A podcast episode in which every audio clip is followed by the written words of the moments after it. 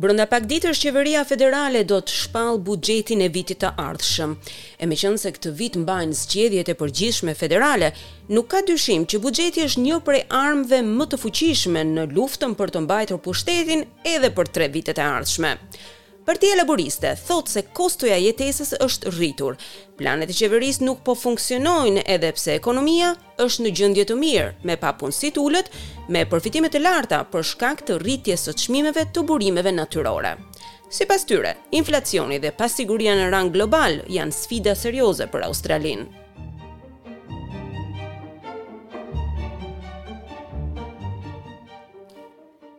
Me koston e jetesës në rritje, kursimi i parave për gjërat më elementare në jetë po bëhet i vështirë.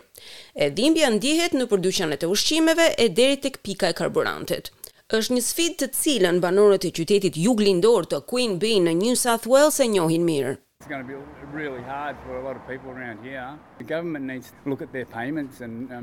Do të jetë e vështirë për shumë njerëz këtu. Qeveria duhet të shohë të ardhurat e njerëzve, të përpiqet të japë më shumë fonde.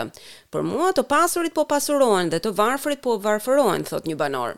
Pensionistja Sally Stagwell ka filluar që të jetë më e shtrënguar me paratë që ka.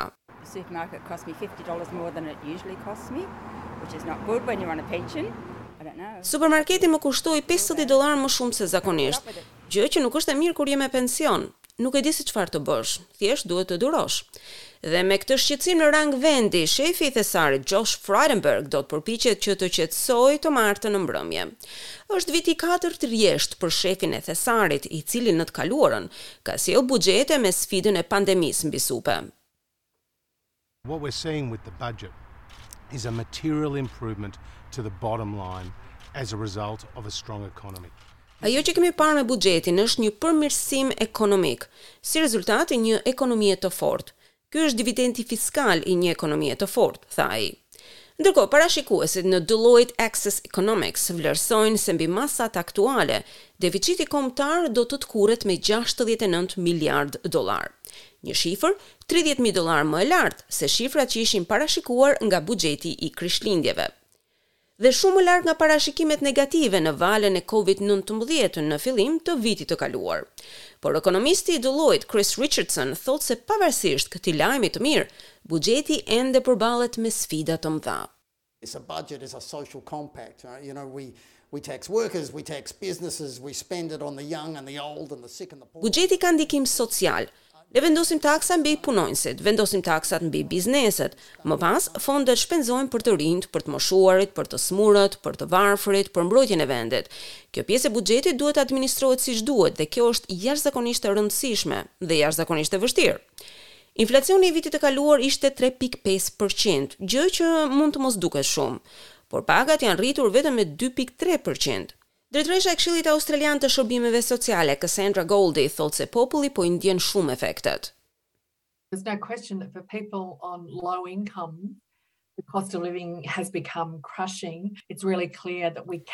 Nuk ka dyshim se për njerëzit me të ardhura të ulëta, kosto e jetesës është bërë dërrmuese. Është e qartë që nuk mund ta lëmë këtë të vazhdojë. Po shohim më shumë njerëz të cilët nuk janë në gjendje të paguajnë për ushqimet, për gjërat thelbësore të jetesës, e njerëzit do të detyrohen që një ditë të mbeten edhe të pastrehë. Shefi i thesarit ka premtuar se do të ketë lehtësime. Do të ketë një pagesë për personat me të ardhura të ulëta dhe të mesme. Ndërkohë rritja e çmimeve të naftës, që kur trupat ruse pushtuan Ukrainën, është një tjetër shqetësim urgjent, i cili po e detyron qeverinë të marrë në konsideratë disa masa të drejtpërdrejta. Elektricisti Alan Jones është një prej atyre të cilët me të vërtetë po e ndiejnë peshën e çmimeve të larta të karburantit.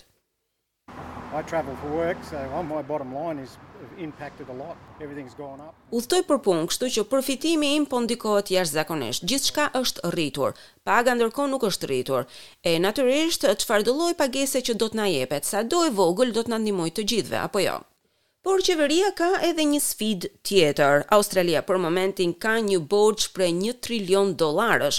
Tundimi ka qenë për t'u nisur me një valë shpenzimesh parazgjedhore, ndërkohë që ekonomistët paralajmërojnë përgjegjësi.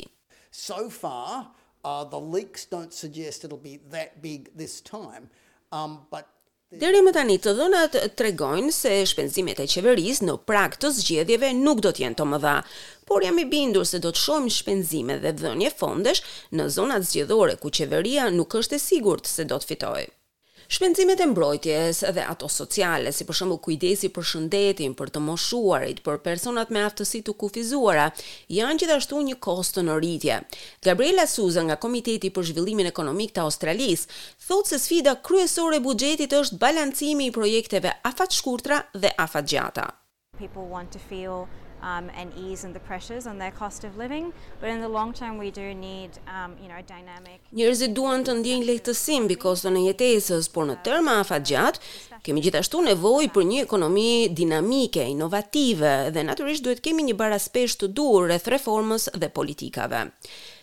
Pasi qeveria të sjellë buxhetin, do t'i mbetet Partisë Laburiste që të përgjigjet, e do të jetë një debat ekonomik i cili do të zgjasë deri në zgjedhjet e majit.